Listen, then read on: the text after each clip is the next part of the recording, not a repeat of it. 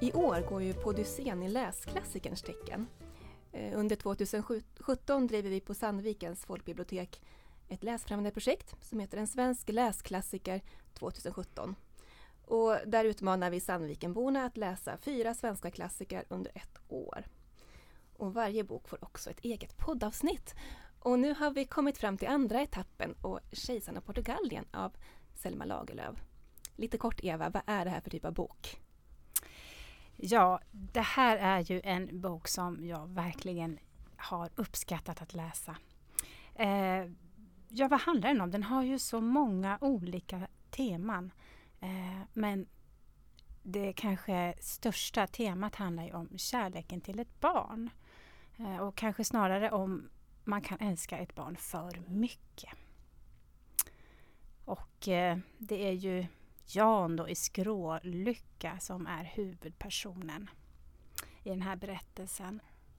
Och, och han får ju det här eh, barnet som egentligen inte är så efterlängtat. Va? Eh, han, är, han är ganska, förhåller sig ganska neutral till, till att han ska bli pappa. Ja men absolut. Jan är ju inte den mest eh, så att säga lyckliga eh, mannen.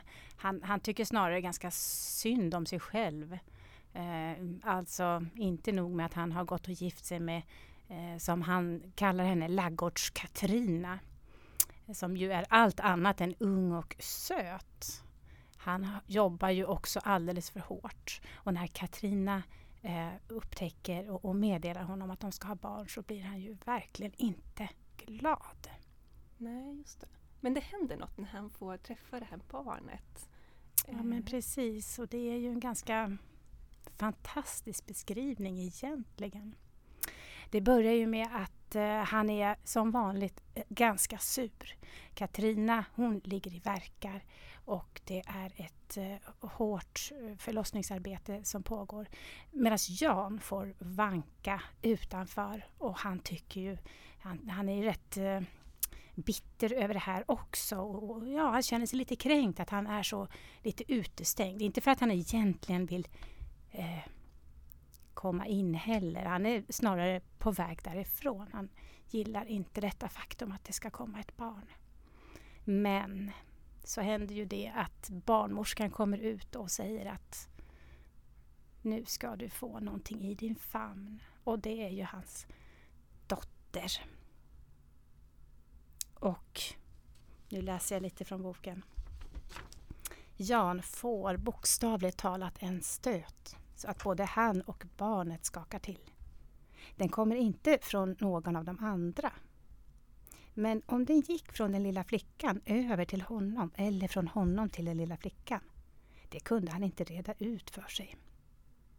Men strax efteråt började hjärtat klappa i bröstet på honom så som det aldrig förr hade gjort.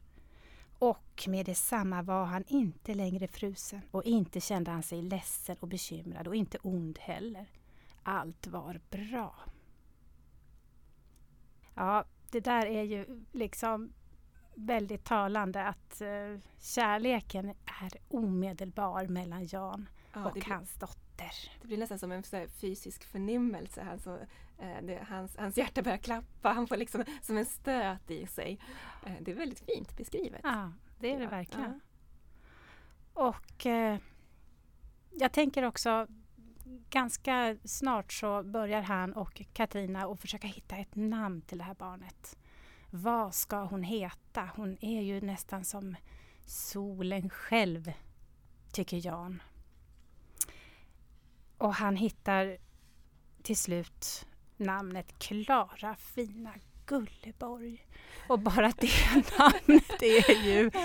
Eh, ja, Eh, det är ju ganska stor tyngd kanske att bli döpt ja, till detta namn. Det är på något vis någonting att leva upp till. Det är någonting att leva upp till det.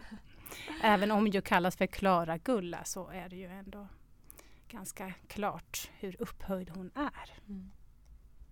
Något som jag eh, fastnar för i den här berättelsen det är hur Selma Lagerlöf beskriver det här ständiga tillståndet av oro för barnet som jag tror att liksom de flesta föräldrar känner och befinner sig i hela tiden.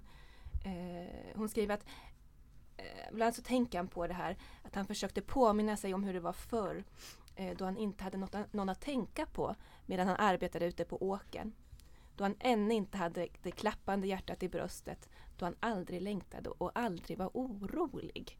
Och det är som att man liksom inte kan komma ihåg hur det var innan man hade barn. Ja, vad man var för person då. Mm. Eh, jag tycker att det är jättefint. Eh, en annan bok som också eh, behandlar det här temat det är ju Malin Nords Barmark. Den är ganska ny, den kom tidigare i år. Och där skildras eh, fyra generationer kvinnor. Det är Signe som under kriget flyr till Sverige och hon tvingas lämna sitt barn i, i Norge. Och det här barnet förlorar hon så småningom för gott. Men när hon flyr då är hon gravid och hennes dotter Monica föds i Sverige och hon växer liksom upp med den här, den här sorgen och saknaden som, som modern känner. Eh, och Monica får i sin tur en dotter Anja som i sin tur får dottern Hanne, så det är liksom fyra generationer kvinnor.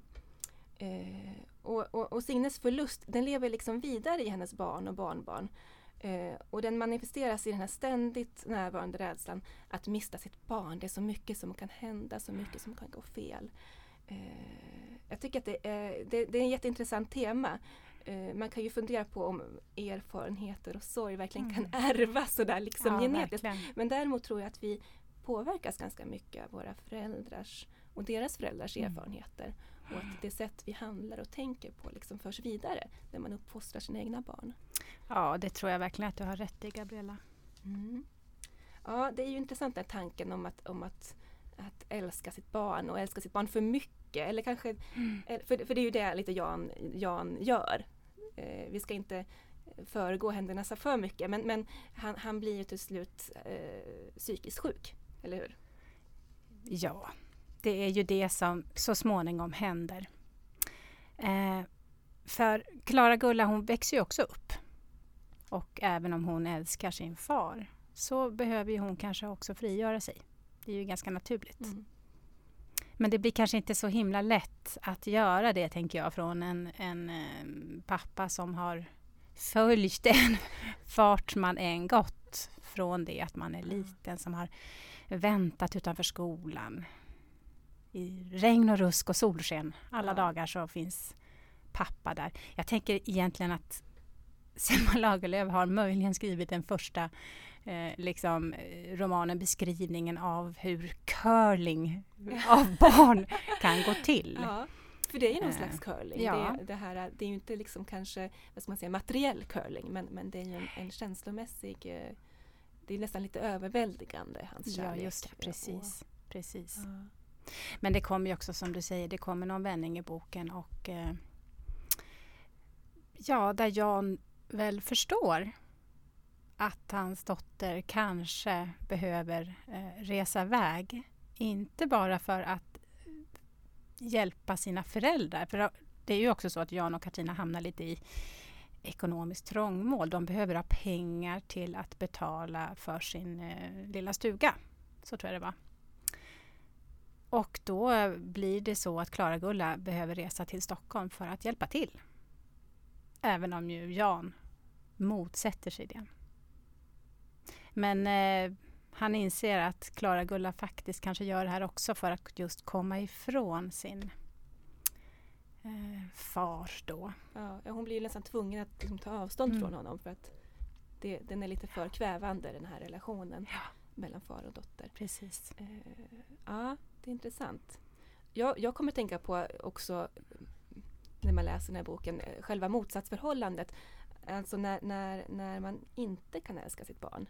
Och att det ja. är minst lika eh, tabubelagt och, och, mm. problematiskt. Mm. Eh, en klassisk skildring är ju Doris Lessing, Det femte barnet. Den har du också läst va? Den har jag också läst, ja. även om det var väldigt många år sedan. Ja. Men jag minns den. Ja, mm. den är en sån här bok som verkligen så här etsar sig fast. Den, eh, avtryck. Ja, Stora avtryck. det handlar om ett par, de heter David och Harriet. Eh, och de drömmer om den här stora traditionella familjen. De skaffar barn och lever i en slags idyll med ett stort hus och, och hundar och familjemiddagar och, och allt det där. Eh, men sen då när Harriet väntar barnet, barn, parets femte barn då eh, rämnar den här lyckliga tillvaron. Och redan i magen känner hon liksom att det är någonting som är fel. Eh, hon får liksom föraningen om att det här kommer inte bli ett lätt barn. Och det blir det inte heller. när, när barnet verkligen föds, inte. Eh, barnet heter Ben, så, så, så är det liksom omöjligt att älska. Eh, ben är våldsam, han, han, är, han, är, han beskrivs som motbjudande och skrämmande. Eh, han betraktas som ett monster av omgivningen och även av, av Harriet, mamman själv också. Mm. Eh, och, och, ja, bland annat så kan hon liksom inte amma honom som spädbarn för han, han biter hennes bröstvårtor Mm. och, och uh, uh, husdjur dör och, och, han skadar sina syskon. Eh, och, och, upp, och, liksom, och, parallellt med det här det här krävande och svåra barnet så, så börjar deras också ekonomi att knaka i fogarna. Och, och David och Harrys föräldrar som har varit väldigt stöttande och supportande börjar liksom känna att de nu har vi gjort vårt, vi vill inte utnyttjas längre. Eh, och det blir, ju, det blir en stor kris i familjen. Eh, och, och till slut är det bara Harriet, mamman, som kämpar för Ben, det här barnet som är så svårt att älska. Mm. Och hon tvingas liksom någonstans välja mellan Ben och resten av familjen. Det är ju sån, ah, det är så hemsk och grym historia. Men den är också jätte, jätteintressant för det är ju det här moraliska eh, dilemmat, när, liksom frågeställningen Måste man älska sitt barn? Och Mm. vad händer när man inte gör det?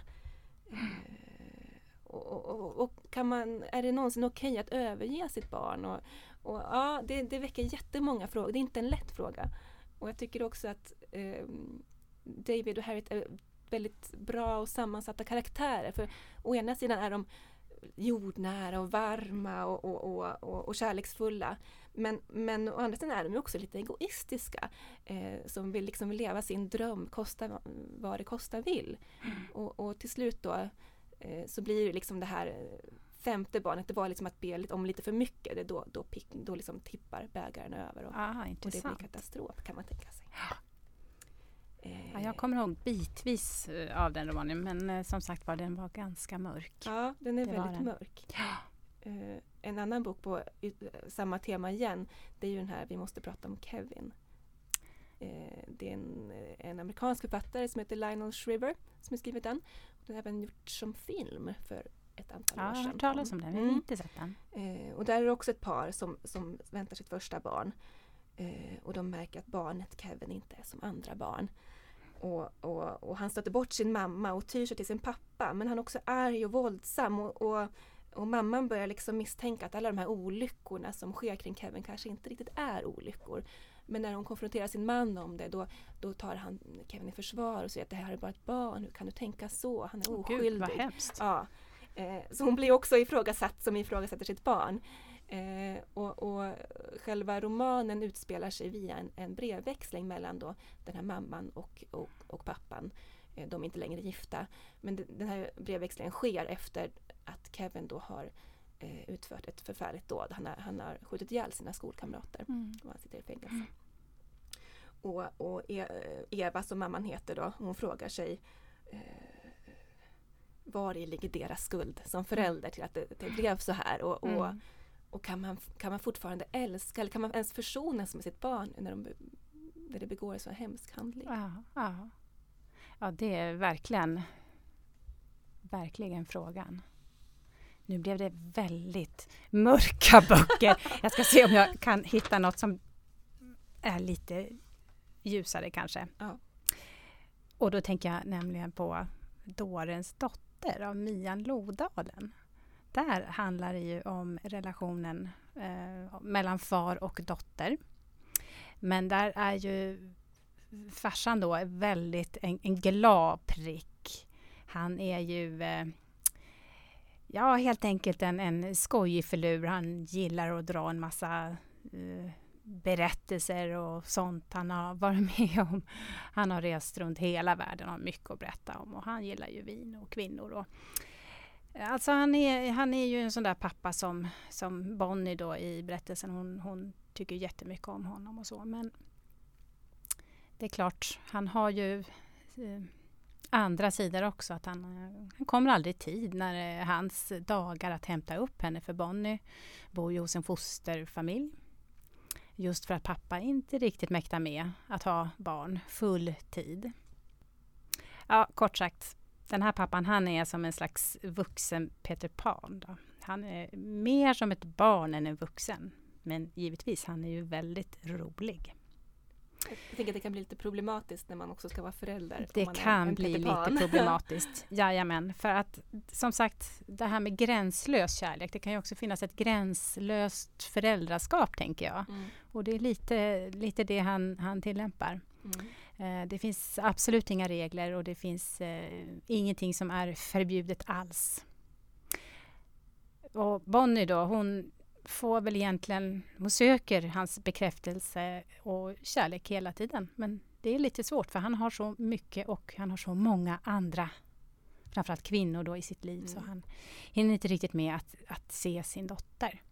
Men däremot så kan han ju uppskatta när, när hon kommer och berättar om busiga upptåg och bussträck som hon har gjort i lite, lite samma anda som sin pappa. Mm, det. Det. gillar han. Hon har ett favoritbus med kompisen Kalle. Eh, och det handlar om att eh, vem står kvar längst tid framför ett framrusande tåg? Alltså vem vågar stå kvar längst på spåret när tåget kommer innan man liksom slänger sig undan? Och det är ju någonting som pappa tycker är himla skoj. Vilka tuffa barn, vilken tuff dotter han har. Så där får hon ju ändå lite bekräftelse. Men är, är inte det här så himla, på något vis så himla typiskt? Jag tänker på eh, papporna som skildras i litteraturen, de här lite skojfriska, eh, roliga men ganska ofta frånvarande papporna. Just det. Eh, och, och medan mammorna är de här som våndas över att de inte kan älska sitt barn. Alltså det, det känns ju som att det finns en viss eh, det är en viss mammatyp och en Just viss pappatyp. Just. Ja. Det skulle man kunna säga faktiskt. Ja. ja. ett annat tema i eh, Kejsaren av Portugalien det är ju den här galenskapen som ju till slut kommer fram. Och eh, Jan han, ja, han sätter på sig stora, vad ska man säga, någon, någon slags mundering. Just det, han, han blir en ny person. En ny han person. går in i en ny person och eh, han ikläder sig i rollen som kejsare. När sanningen blir övermäktig om Klara eh, Gullas, eh, eh, alltså vad Klara Gulla egentligen har för sig i Stockholm. Då väver han ihop ett Portugalien för sig själv där han är kejsare och där hans dotter då blir kejsarinna. Mm. Och det är ju den här sanningen som, som blir honom övermäktig. Jag tror att det är en ganska, så här, eh, ganska vanlig på något vis överlevnadsmekanism det här när någonting är för jobbigt att, att hantera eller att ta till sig. Då, då liksom då, ta, då hittar man en annan sanning eller man förtränger, man förtrycker ner de här, eh, det som har hänt.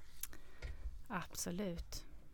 Du hade läst en annan bok också om just det här med, med, med psykisk ohälsa och galenskap. Ja, men som just jag det. intressant. Du måste ja, berätta om den. Just det. Alltså, det är ju en bok skriven av Rickard Törnqvist som heter Kanindansen som jag trillade över av en slump. Eh, och den handlar om eh, en kille som heter Ruben Larsson och han jobbar på en reklambyrå. Och det är ju naturligtvis ett eh, ansträngande jobb. Det är mycket deadlines, tusen projekt samtidigt. Och eh, eh, i boken då så kommer man in i eh, handlingen när det helt plötsligt har blivit för mycket. Och när sammanbrottet är ett faktum. Alltså det börjar med ett kundmöte på Mix Megapol där allt helt plötsligt rämnar. Han spiller ut vatten över skrivbordet. Mm. Han sparkar ner reklamskyltar och eh, så småningom gråtandes så springer han ut ur mötesrummet bara för att krocka med Gry Forsell i korridoren. Och det ena med det andra händer, alltså sammanbrottet är ett faktum. Eh, dessutom åker han vidare ut på Skansen. Alltså det är lite ovisst varför. Men väl där så hamnar han också i bråk med en lemur.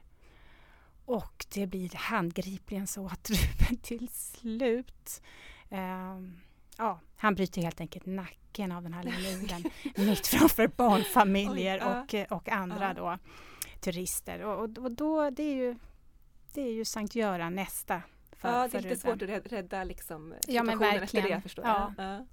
Men eh, samtidigt så, ja han hamnar på, på en eh, sluten psykiatrisk avdelning. Men, men, samtidigt, ja det är ju en rolig berättelse. Eh, visst, den är sorglig också, men ändå en väldigt sympatisk historia.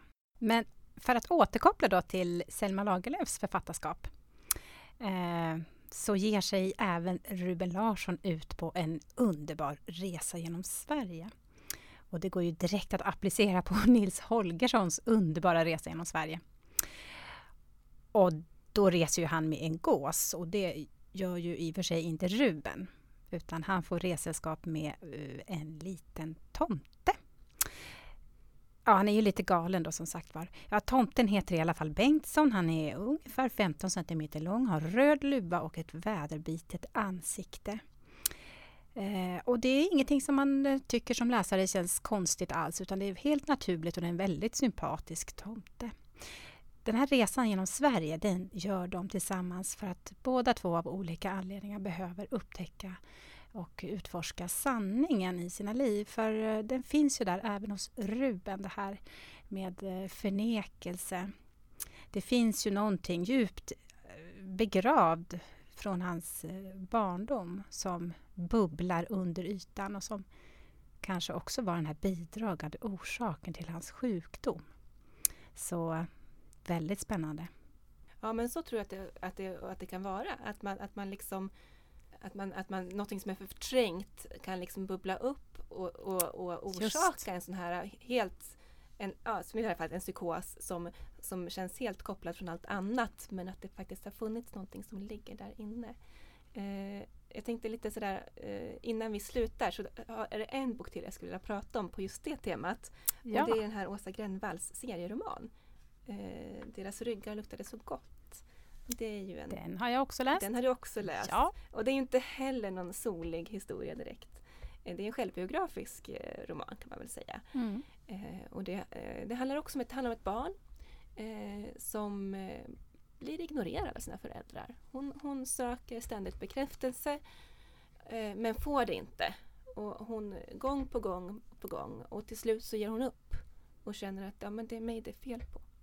Eh, så det är, det är också någon slags form av, av liksom, vad ska man säga, misshandel, en psykisk misshandel att inte bekräfta sitt barn. Mm. Du pratade förut om Idorens dotter, hon blir inte heller, får inte heller bekräftelse men, men, men det tar sig lite andra uttryck. Men det är ju lite samma princip.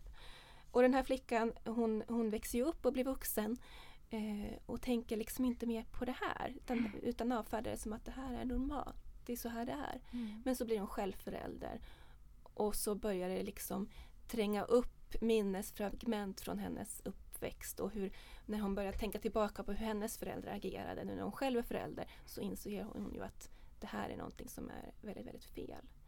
Eh, och det här är en jättejobbig bok faktiskt. Det är en också. jättejobbig ja. bok, absolut. Eh. Men, men jag känner nu när du börjar på prata mm. om den att jag tänker ge den en chans till. Mm. Jag, har, jag började nämligen läsa den men jag kände att jag, nej.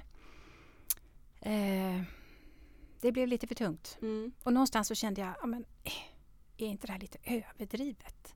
Så jag, jag la faktiskt ner den. Men, men sen mm. faktiskt, jag plockade upp den igen och tog mig igenom hela och eh, kände ändå att den, den gav ganska mycket.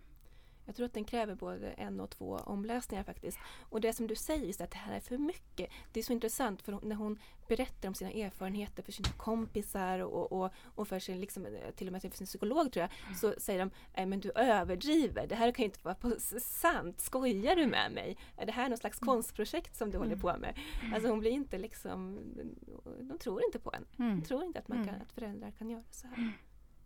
Mm. Det hade varit också intressant. Eh, jag tänker väldigt mycket på de här föräldrarna, hur, vad deras version är av den här mm. historien. Hur tänkte de? Hur kände ja. de? Eh.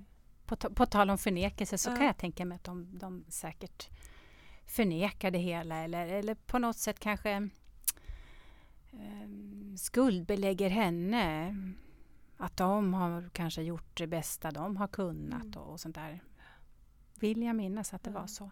Men jag, jag kommer också ihåg, det var ett eh, exempel ur den här boken där hon själv ska försöka förklara för en kompis hur, eh, hur skillnaden kan vara. hon försöker förklara att när man kanske har det svårt i livet och när man kanske behöver hjälp de här stunderna som, som man ändå har ibland då säger de flesta föräldrar att självklart finns vi här för dig när du har det svårt. Men förklarar hon då för kompisen, men mina föräldrar gjorde precis tvärtom. Nu har du det svårt, men eh, det känner inte vi att vi behöver ha någon själv. del i. Det får ja. du sköta själv. Och det, det, blir ju, det var mycket sådana här verkligen talande, ja, det, just med hennes bilder till också. Ja. Det finns ett avsnitt där hon är, jag tror att hon är tio år, hon har just precis fått mens. Och så går hon till sin mamma, för det, det har hon fått lära sig att då ska man prata med sina föräldrar, hon har väl läst det i en bok eller någonstans. Och så säger, och mamman säger någonting, ja här har du pengar, köp dina bindor eller något sånt där. Och, ja, du kan ju tänka en tioåring och gå till affären och, och, och, och köpa det. Istället för att ha det kanske samtalet som det här inbjuder till. Man tänker att som förälder man, man, man tar det då. Mm. På tal om eh, skuld och skam. Och... precis. Eh, det, ja, jag tycker det var väldigt talande. Men det är någonting, du sa också det här med bilderna och, och sättet att berätta på. Hon berättar på det ganska nästan lite torrt och ibland nästan så att det inte humoristiskt men nästan lite raljerande och det gör ju också att man blir nästan, man får väldigt ont i magen. Eh, Ja men verkligen. Eh. Men sen minns inte jag hur, hur egentligen slutet var. Mm. Om hon eh, faktiskt försonades med sina föräldrar eller? Eh, jag tror, ja nu ska jag kanske, vi ska kanske inte avslöja slutet. Nej, men, nej, men vi struntar i det. Det blir men, en slags väldigt... försoning men kanske inte men kanske med sig själv, sig själv istället snarare. Ja just det. Och att hon, hon hittar andra sätt att gå vidare mm. på mm. och på något vis eh, släppas ur den här förlamningen som uppstår när, när hon inser hur, mm. hur illa behandlad hon har blivit som barn. Mm. Mm. mm. Ja, jag tänker också med alla de här böckerna som vi känner att vi har kommit in på just för, för att vi har utgått från Kejsaren av Portugalien och jag tänker på att den ju innehåller alla de här delarna, skuld och skam och eh, men också att försonas. Mm. Frigörelse och försoning är ju också stora teman i den. Men jag tänker också att Kejsarna av Portugalien finns hur mycket som helst att, att det... diskutera den. Nu har vi inte ens kommit in på denna stackars försummade hustru. Ja, Katarina är, ju totalt Väldigt perifer person tror jag i, i alla fall i ja. Jans liv. Ja, men verkligen. Ja. ja, det finns ju jättemycket att diskutera. Eh, vi ska inte prata om allt idag. Eh, däremot är man hjärtligt välkommen att delta i det öppna boksamtalet den 3 maj. Eh, och det äger rum här på Kulturcentrum, närmare bestämt på Musikverket med start klockan 18. Och då kommer vi prata mer om Kejsarna Portugalien. Eh, och vill man vara med så anmäler man sig till biblioteket eller mejlar kulturcentrum.sandviken.se. Och det här öppna boksamtalet det inleds ju också med en föreläsning av Anna Nordlund som är litteraturvetare och lektor vid Uppsala universitet. Och hon kommer att, som en ingång till boksamtalet, kommer hon att berätta mer om Selma och eh, hennes författarskap. Just det, ja. missa inte det. Jag Nej. tror att det kommer att bli väldigt spännande. Man vill liksom veta ännu mer nu om Selma Lagerlöf, ja. känner jag. Ja. ja, vi kan ju väl avrunda med att berätta de böckerna som vi har pratat om, som vi har läst eh, under den här podden, är ju då Kejsarna av Portugalien av Selma Lagerlöf, eh, Barmark av Malin Nord, Det femte barnet av Doris Lessing.